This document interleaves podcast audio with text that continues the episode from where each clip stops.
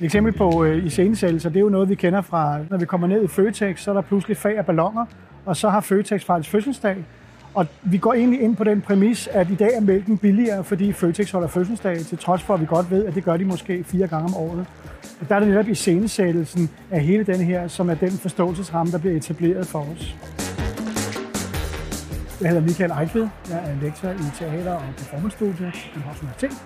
Og jeg forsker i mange forskellige ting, men en af de ting, jeg er meget optaget af, er at gøre en bog færdig, som kommer til at hedde på, øh, og som handler om hverdagens iscenesættelser og alle de mange begivenheder, som bliver iscenesat i løbet af både en dag, men også sådan i større arrangementer og events, som en måde, vi strukturerer den moderne kulturliv, og måske også den måde, vi strukturerer vores måde at forstå os selv og vores identitet på i det 21. århundrede.